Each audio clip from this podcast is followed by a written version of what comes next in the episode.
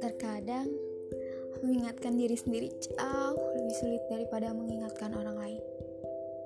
Tubuh ini selalu saja dihantam oleh keegoisan dan pikiran pesimis yang teramat sangat.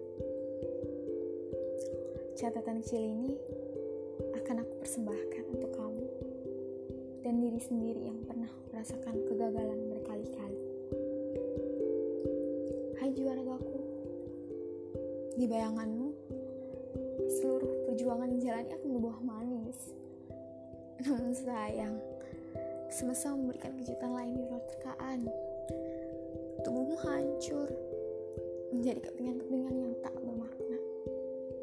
Harapanmu musnah, di telang jurang putus asaan. Seperti seonggok raga yang tak berintuisi, memiliki nyawa. Tapi ragamu berkelana entah ke mana dan tak tahu kapan akan pulang ke ragamu itu. Sudahlah, jangan berkecil hati. Memang tidaklah mudah untuk menerima kegagalan. Tapi bagaimanapun juga kau harus menghadapinya. Kau berpikir bahwa seluruh perjuanganmu itu akan sia-sia? Tidak. Di dunia ini tidak ada perjuangan yang sia-sia. Akan selalu ada hal yang dapat diambil dari semua itu. Anggap saja itu hanya latihan untuk menghasilkan sebuah karya. Sebab kegagalan hanyalah sebuah fase. Jika ingin meraih mimpi, mau tak mau kau harus melewatinya. Kau harus melewati bebatuan yang akan menghalangi langkahmu itu untuk menggapainya. Semuanya tergantung pada pilihanmu. Akankah kau terus melangkah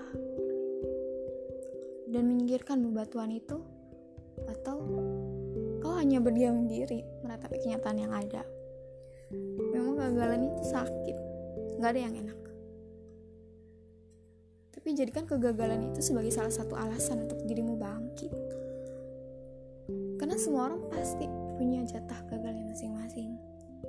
Untuk itu tetaplah berusaha tetaplah mencoba habiskan jatah kegagalanmu di masa muda. Remind from myself. Tertanda diri ini.